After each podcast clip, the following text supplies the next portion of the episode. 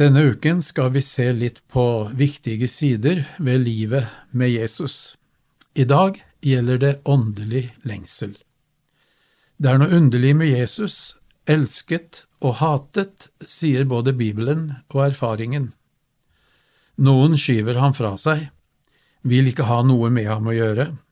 De synes å være mer eller mindre likegyldige. Andre blir eitrende sinna bare Jesu navn blir nevnt. At mennesker skyver Jesus fra seg, betyr ikke at de er blottet for åndelig lengsel. Vi mennesker er skapt med en søkende lengsel. Noen søker inne i seg selv for å frigjøre iboende krefter. Andre søker i religionenes mangfoldige verden. Ikke rart at alternativmessen i Norge er så godt besøkt. Ikke bare av ren nysgjerrighet, nei, mennesker leter og søker. Det bor en dyp åndelig lengsel i en kristen også. En kristen stiller seg ved Jesu føtter i dyp tilbedelse og takknemlighet.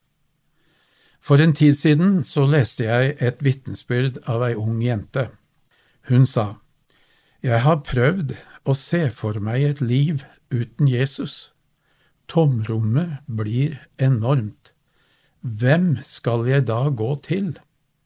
Ingen annen person eller ideologi kan noen gang tilby meg den grensesprengende kjærligheten jeg mottar av Jesus på korset, en kjærlighet som er altfor guddommelig til å være oppdiktet. Ingen kan noen gang gi meg en større mening med livet enn å tjene Ham som har skapt meg i sitt bilde og ofret livet sitt for mine synder. Ja, det var litt av et vitnesbyrd. Hos den som har det slik, skapes en lengsel etter Guds nærhet. Vi sukker og ber, nærmere deg, min Gud, nærmere deg. Vi møter ham i stillheten med ordet, i personlig andakt og bønn, i fellesskapet der ordet blir forkynt, og når Herrens nattverdbord er dekket for oss. Da jeg var i Peru for noen år siden, underviste jeg i dogmatikk på seminaret vårt i Arequipa, et viktig fag som har som oppgave å gi en systematisk fremstilling av den kristne tros innhold. Men så har det stått så levende for meg. Sann kristendom er noe mer enn å studere dogmer og læresetninger. Det er snakk om å leve et liv i Jesu nærhet, i tilbedelse, takknemlighet og tillit. Så er spørsmålet, er det noen vits i det, da?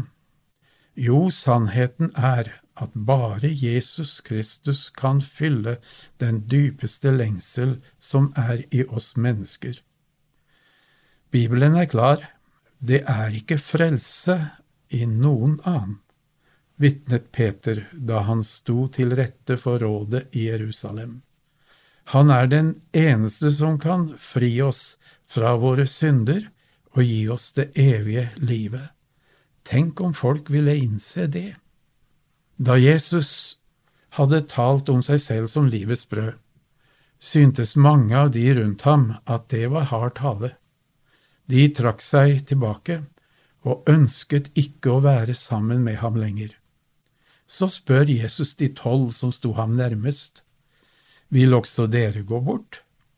Vi leser svaret som Peter ga på vegne av dem alle. Slik står det i Johannes evangeliet kapittel 6 versene 68 og 69.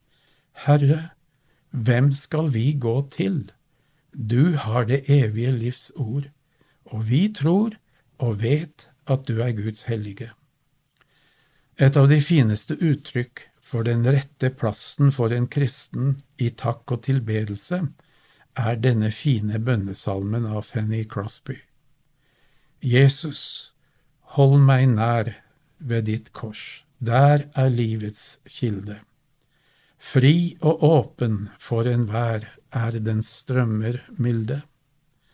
Der ved korsets fot jeg fant balsam for min smerte, morgenstjernen klar opprant for mitt arme hjerte.